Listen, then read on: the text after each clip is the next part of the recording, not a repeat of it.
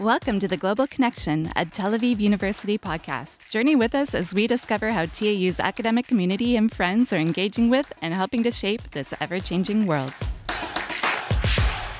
Today I'm welcoming in the studio Sharon Fraenkel, who is the CEO of Tel Aviv University Canada, an organization that represents TAU to all of our fellow Canadians out there.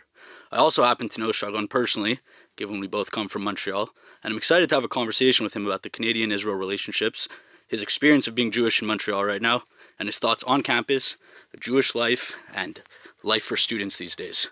So, welcome, Sharon. Hi, Ben. Thanks for having me. So, I thought I'd start off by asking what brings you to Tel Aviv today? What brings you to Israel?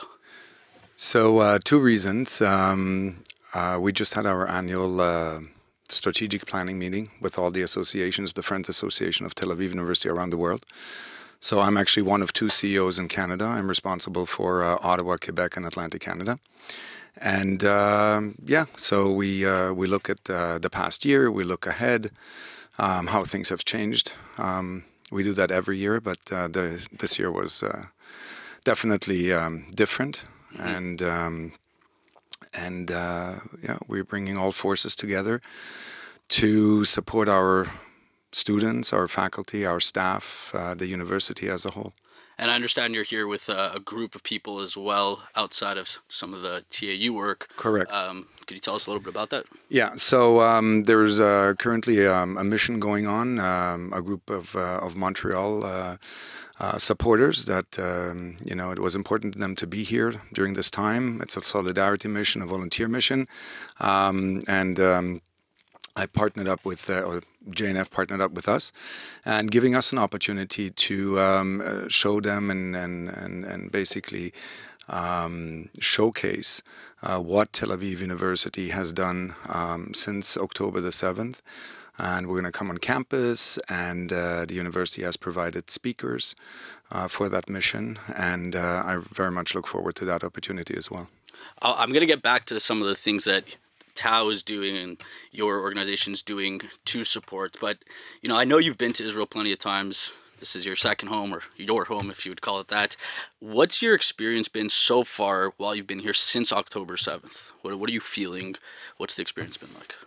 So, um, to be honest, I wanted to be here since uh, October the 8th, and I'm very grateful for the opportunity to be here today um, or during this uh, these past days.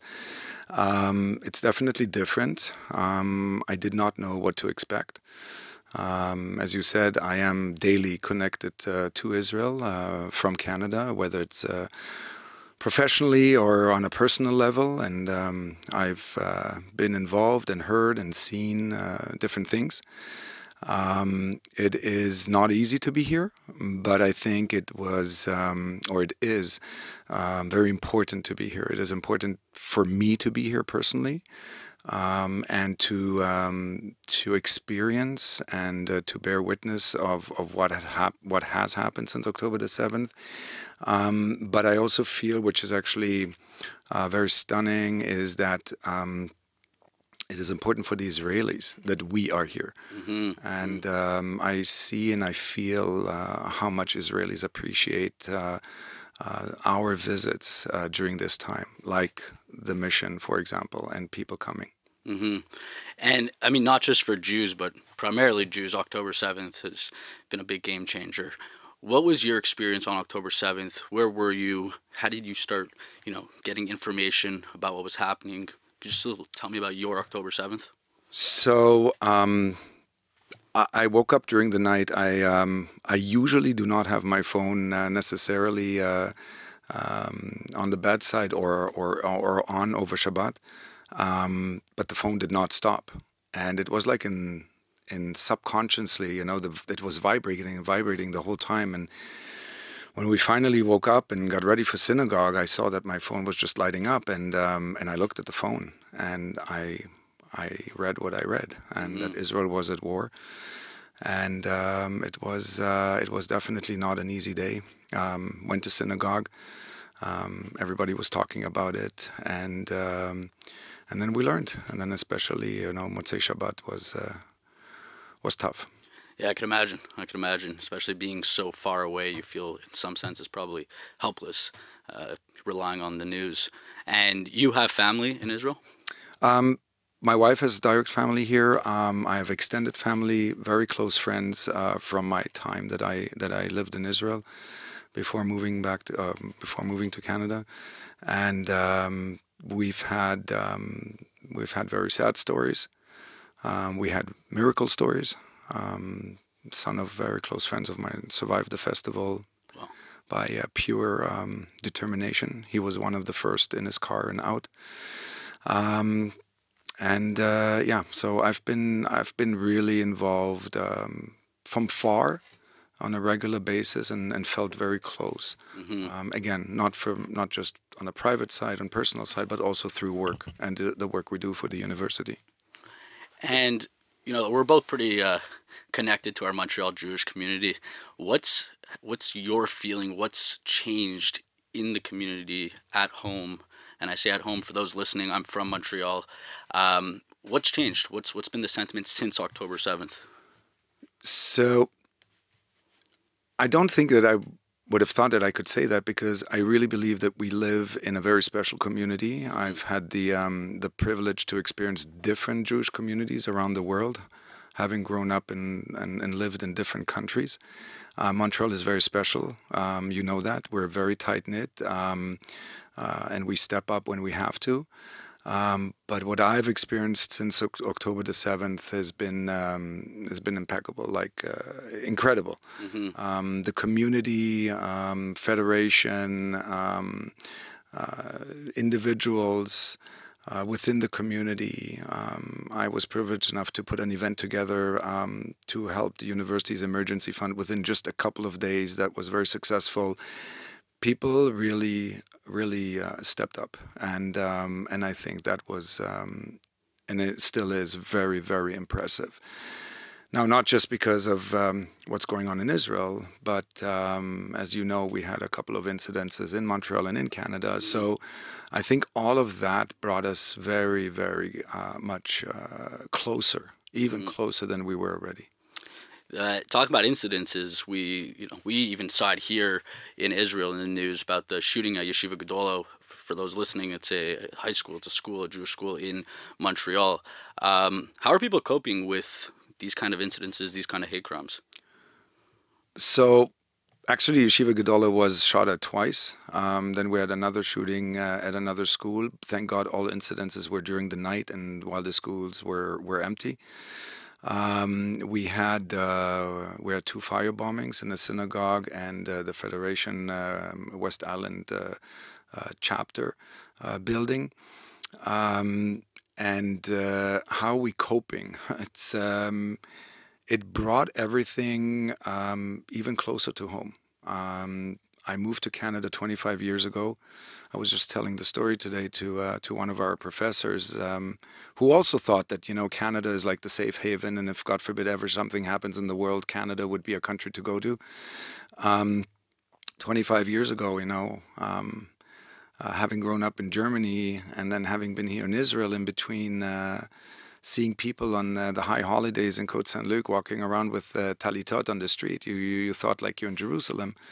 Um, unfortunately, today we have people taking off their mezuzot and uh, walking around, uh, you know, without kippas anymore. Um, it's uh, it's it's it's tough. It mm-hmm. definitely changed our our city as well. And how do you think that Canada can be a better ally to Israel? I think that um, the government has to put their money where their mouth is, and uh, and um, you know, either you're with us or you're not. But mm-hmm. you can't play on on both sides of the field, mm-hmm. and um, uh, many people are not happy right now. Are you seeing, given your um, relationship with the university here, are you seeing students wanting to come to Israel more now because of this the lack of safety they're feeling on their own campuses at home? Um, yes and no. So obviously the, the, the, school year was postponed until December 31st, and um, as you know, and you're one of the international students, some students were here and then left or um, stayed. Um, now that we reopened, um, I do have a little bit more of increased conversations. People are asking me, um, but people are still, you know, unsure. Obviously, the war is still going on. It's not like the war is over and now there's going to be an increase, you know, of interest of uh, people wanting to uh, to come and study in Israel or make aliyah. But um, yes, so I think, like I said before, these missions that are going on, um, they're very important, and and I feel that interest of people uh, that that want to be here and that want to come here.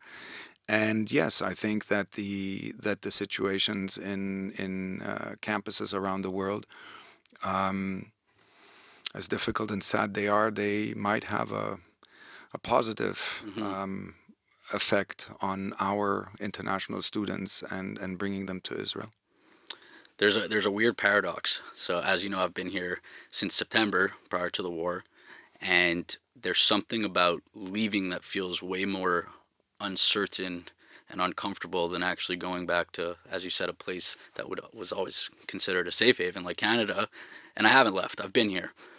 The sentiment that you're getting from people who are coming, you know, on these missions and people that you've talking to, talking to, and uh, you know, family, friends, whatever it may be, what what are what are they feeling when they come here? Is it a sigh of relief? Is it wow? It feels different than what we've been seeing online, um, because there's obviously a lot of misinformation going on, and if you're not here, you only see one thing. Um, what what are some of the some of the conversations you're having once people are arriving to Israel on these solidarity missions? So first of all, I and would say, yourself, by the way. yeah. So first of all, I would say people that are educated and that they really know what's really going on. Um, I uh, I hope they don't see just one side of the story, and they do understand the um, the overall and the global picture and and mm-hmm. where why this happened, um, who did it, and what is the current situation. Um, people that are coming to Israel I think they might feel similarly than, than what I do is that um, we felt very um, helpless being so far away. And I've uh, and I know that you met a couple of individuals uh, from Montreal and, and you interviewed them, and people just they, they just want to be here. We want to mm-hmm. be together. Um, it speaks for us as the Jewish people, you know, uh, being together and and and and, and showing chesed and and and and achdut and being together and going through this together. Um, you know, you're not alone is not just a sentence. It's something that is is really being put put in action when when we're here. And um, what is so really mind-boggling to me is that um, you were mentioning, um, you know, what's going on in Canada and an anti-Semitic attack this country here is at war and we're getting phone calls and emails in Canada, are you okay? Mm-hmm. Because they heard of the firebombing at the synagogue or the shooting at one of the schools. And they're telling us, thank you for coming here. Um, not, I don't want to say they don't understand what they're doing for us, mm-hmm. um, not just for this country, but for us as, as Jews in the diaspora. Um, this is our country, and by our, I mean our Jewish state, and uh, and every single young boy, girl, woman, man, uh, and older that are currently uh, enrolled um, are doing duty not just to this country but to to global Jewry. Mm-hmm, mm-hmm. That is, it's it's very interesting. I felt that there was a good period of time where I was consoling people while I was sitting here in Tel Aviv. I was consoling people back at home. Um, you know, there's one particular conversation I had with uh, quite a prominent lawyer in Montreal, and we were on FaceTime, and he started tearing up, and, and, and I said to him, I said, Mr. XYZ, why are you crying? And he goes, my family, you, they're, they're, they're, they're trying to kill us, and I can't, I can't deal with it. And I said, do you understand? I, I just left the beach. I like I, am walking on the street. Like I had a shawarma. Yes, there's there's sirens going on, and yes, there's there's chaos. But the people here somehow find a way to live. You have to find a way to live too, and stand up in Montreal and be, be that voice. So there, there's a weird paradox, as I was saying, between what's happening here, the reality on the ground, and then the information that's getting back to Canada, and how both Jews in Israel and outside of Israel are dealing with the war and dealing with what's going on. hundred percent, hundred percent. Um, I, I I met on my um, my first morning after uh, after I landed. Um, I didn't know. Um, a friend of mine uh, took me for shacharit prayers to um, to a shiva house of a fallen soldier. A friend of his lost his son, and then he introduced me to the father. And um, again, you know, he thanked me, um, and he kind of blessed me and said, you know, you should in your next week or ten days here on the ground, you should you should see this war end. And um, what is the the craziest story about it is actually which neither he knew who I was uh, an hour earlier, and nor did I know who he was. Is uh, his son was um, accepted to Tel Aviv University and was supposed to start um, in a few weeks, wow. and he was supposed to be released from the IDF, and um, that made it again in in a split second. It brought it so much closer. Mm-hmm. Um, yeah, it's it's unbelievable stories, you know. The sh- the shivas here are, are something else. You know, we, we think we think the shivas at, at home are, are something. I, I went to. I'm sure you heard of Daniel Weiss. Both of his parents, his his father uh, was killed, and his mother's body was found about 10 days, or actually the day after he finished sitting Shiva for uh, his father. And uh, Cantor Boaz Davidov from Montreal, his, his daughter brought me to the Shiva, his friends with the son, Daniel, and it was the exact same thing. You know, I, I didn't have many words to say other than, like, I wish you a long life, and I'm very sorry. And you're talking about hundreds of people at, at this one house. Like, I've never seen anything like it. And he looked at me and he goes, thank you so much for coming. Like, I wish you a good life, a peaceful life. And I'm thinking, like, well, what you're wishing me? Like, yeah. like it's it's uh, it's unbelievable. No, it's unbelievable. So uh, during Shacharit that morning, I think there were maybe a hundred men. Kabbalah Shabbat, we went back. Um, when we arrived, we were about also about a hundred people. Mm-hmm. Um, but when we left, the prayers were in front of the house. Um, I would say, and I'm not exaggerating, I would say somewhere around 500, 750, maybe even a thousand people on the street. Wow. In Ra'anana, it was crazy. Wow. Yeah, un, un, unbelievable experience. It's it's so interesting, and, and you you could, you know, you could talk to this maybe. Um, a year ago, this country was so divided. Even when I got here in September, or when I was here in February last year, there was such division because of what was happening with the government and politics and the judicial reform you could never imagine that such polar opposites come together in this time and it's because that's the way the Jewish people operate. And I can only imagine back at home, it's no different. And in every Jewish community, that sense of belonging, do you think it's bringing people closer to Zionism or Judaism or both? I think both. Mm-hmm. Yeah, I think both. What's uh, you know, I want to go back to some of the things that your organization is doing to support here in Israel. Um, can you share with us a little bit what's uh, sure. Tel Aviv University Canada is doing? So. Um, Tel Aviv University has uh, a number of uh, friends associations around the world. Um, I always say our our mandate starts and finishes with fundraising and um, and raising uh, financial resources for the university. Um, there's a lot, of course, in between, um, you know, relationship with alumni and uh, promoting the university, bringing speakers uh, to our uh, our countries, uh, and so on. Um, the university uh, has been. I always say, many people know what's coming out of Israel, but people don't always know what comes out of Tel Aviv University. And I still say that um, after uh, eight years with the organization. But what people really don't know is what has happened on and since October the 7th. And if the world uh, would know, and maybe after today's uh, podcast, um, within three hours, this university um, established a 24 hour, seven days a week um, hotline for um, psychological um, assistance. Mm-hmm. Um, October the 7th at 9:30 a.m., 10 o'clock, this line was up. Um, our um, our medical school, our medical faculty, and the dental school um, have been involved and working with the government in, uh, you know, identifying victims um, and uh, and remains. The university opened up the campus right away. Um, the dormitories would which were empty because the school year was uh, cancelled or postponed, mm-hmm. and hosted families from from the south. Uh, to the point we even relocated an entire school. We had an entire school here um, and uh, and many many more things. Um, we just uh, we just two weeks ago um, opened in a temporary location the uh, the new um, post trauma center. Um, the clinics. So we started treating patients in a temporary location. Uh, the building is only ready in about 18 months or so. Um, but the goal is to treat um, a thousand patients uh, uh, this year. Um, you know, on the volunteering side, um, for example, tomorrow when the mission is coming on campus, we're actually going to prepare care packages mm. um, for our uh, student soldiers um, that are still um, that are still uh, serving right now.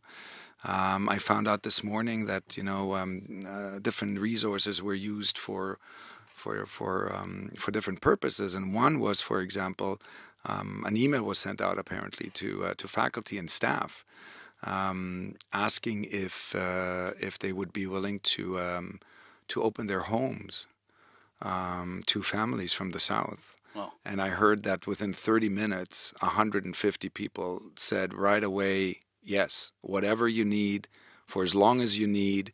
I have a room available, or I actually own an empty apartment somewhere, and just just I mean, this again speaks for what we just said before. Mm-hmm. Um, this is how the Jewish people come together. And um, so our financial um, efforts um, to raise money for the university was to uh, immediately um, support the university's emergency fund that the university um, uh, put in place. Um, the priority um, was uh, and still is the our, our students.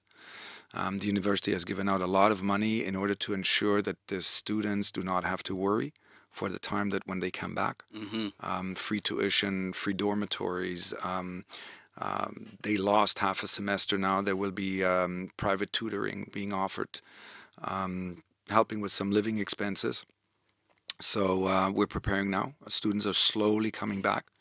Um, but as far as I understand, it should really happen February. Mm-hmm, mm-hmm. we have over 6,000 students, Tel Aviv University students, that are currently serving and um, yeah, so our efforts is uh, our efforts are basically to support the university um, financially, and right now the focus is on um, on the students, on um, on helping and supporting them with with the effects, mm-hmm. PTSD, depression, whatever can come out of this, and um, and of course the the other work that we do. Mm-hmm, mm-hmm. It's interesting you you brought up post trauma, um, and as you know I'm well involved with the Israel war story, and you know, a lot of conversations are being had right now with what's going to happen with the Israel war story when the war's done. And last week in a meeting, I said the war story just begins when the war is done, because we have post trauma to deal with. We have rebuilding of communities. We have so much uh, to offer, and that is its own story in itself. What what are some of the programs that are going to stay active uh, post this this war in order to ensure you know student success? Are these are these programs that you were just discussing are they temporary? Do you see this being a long lasting effect? Because i see the post trauma you know pretty deep. It's it's going to go on for for years maybe even we're talking generational trauma. Uh, yeah i think i think that um, ongoing support um, is going to be very important. Mm-hmm. Um, reintegration, and I think that this assistance is is is very important. Um, and uh, and definitely, it's not going to be easy. Um, there's going to be a new normal. I mean, mm-hmm. I don't think we're going to go back to normal. I mean, what is normal anyway? Mm-hmm. So uh, we we need to adapt, and I think that if uh, if there's one people and one nation that knows how to adapt, um, it's us. Hundred percent. Uh, I think that's um, that's actually the the light at the end of the tunnel that we can see, where we say, you know, we're we're going to come out of this, and I know we have I have no doubt, we will prevail. We will be we will be good. We will be fine. Um, it's going to take time, and we just need to stay focused and, and, and do it together. And and we're, we're going to be fine. What what are some of your recommendations to students that are coming out of high school, ending college, considering Israel, not sure, there's so much going on. What's some uh, what's a piece of advice you can give to students who may be listening to the podcast? Um, take every opportunity given to you and come to Israel, visit Israel, be here. Um, I, I, I see it, I feel it again from my work side as well as my personal side. Once you're here, it says it all. You know, you, mm-hmm. you can't even describe outside of Israel what Israel is, what Israel means, and not only to Jewish people. Um, we've had a couple of non-Jewish uh, students, international students, and uh, they came back to Canada and they either joined our organization and they're sitting on our board and they become ambassadors and um, they're outspoken on social media and uh, and they support us and even on these missions you know we have not just Jewish people we have mm-hmm. non-Jewish people and uh, and I hear it I hear it at home how people how much people actually appreciate Israel and, and recognize Israel for for what she is as a country and what we are as a university specifically. Mm-hmm. It's interesting you talk about non-Jewish people. When I arrived in September, I was taken back because on the first day of school, everybody goes into the you know the conference room. You sit down, you start introducing yourself. Hi, I'm so and so. I'm from Germany, not Jewish. Hi, I'm so and so from Ethiopia, not Jewish. And by the time we got around the table, I think we were, we were about 18 people in the program. We're only four or five Jews, mm-hmm. which means you have 13 or so people who have elected to come to Israel. Mm-hmm. Predominantly, what do you think about Israel? Jews. And it's a very beautiful thing. And the most beautiful thing, and I'm going to talk about this tomorrow, and to me, this is the epitome of the Israel war story, is a lot of these people left their countries, like my roommate, not Jewish, she's from Germany, left back to Germany after October 7th, and she returned to Israel. Mm-hmm. And when I asked her, why did you, why'd you come back? You have no family or no connection to Israel, you're not Jewish.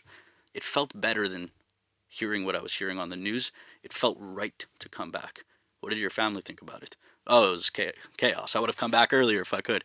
So it's very interesting uh, to, to, to think that there is really a core of supporters of Jewish stu- of non-Jewish students, excuse me, um, who are staunch on being you know part of the truth and part of you know something that is greater than them. So I'm actually going to take this to the to another level. Um, you may know, you may have heard, but we just launched at the university last year um, the Irwin Cotler Institute. It's an institute um, that deals with uh, democracy, human rights, and, and, justice issues. It's an international graduate um, elective course. Um, last year we had 21 students in the course. This year I think we have about 15, and they're all not Jewish.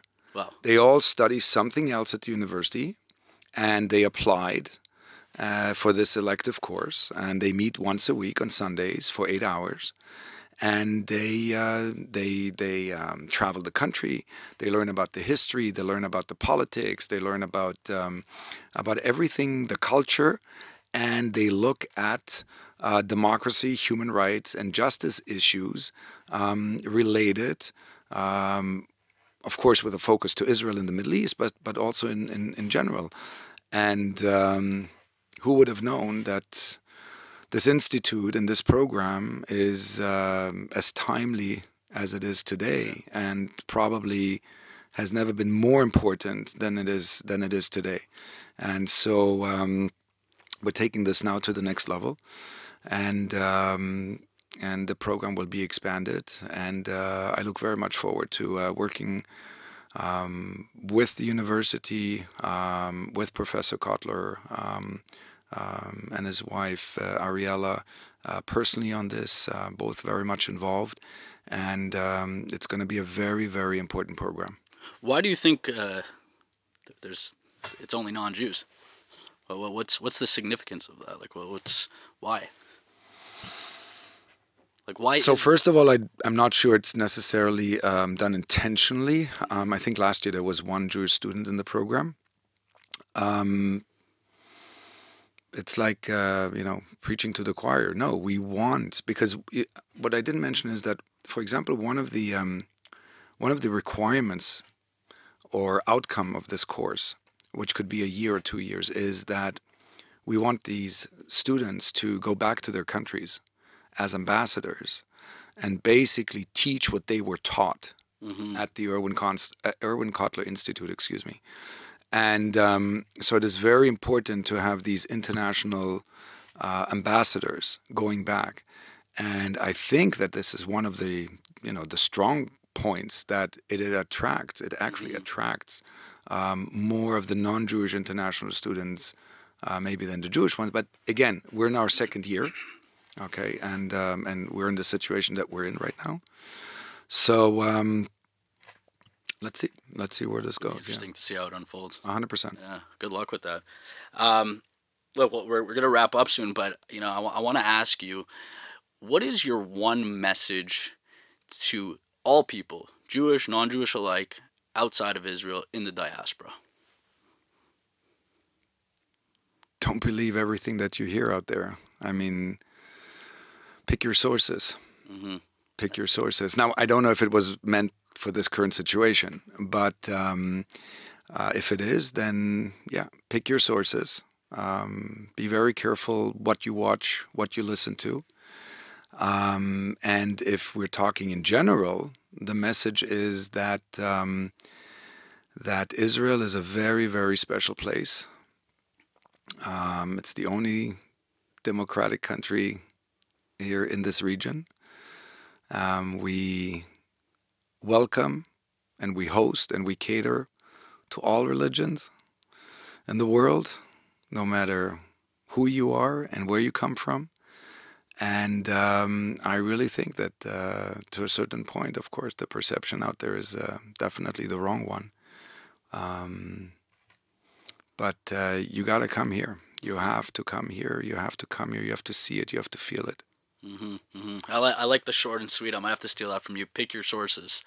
It's uh, it hits right, right hits the hammer right on the head. Look, Sharon, it's been a pleasure talking to you, and I, I look forward to spending uh, Shabbat with you tomorrow. And I hope you enjoy the rest of your time in Tel Aviv. Thank you Thank for you. coming on. Well, thank you for asking me to do this. This was uh, a great last minute, uh, spontaneous idea. Super I- last minute. And thank you, thank you for the opportunity. Thank you for being with us. I appreciate it. Thank you.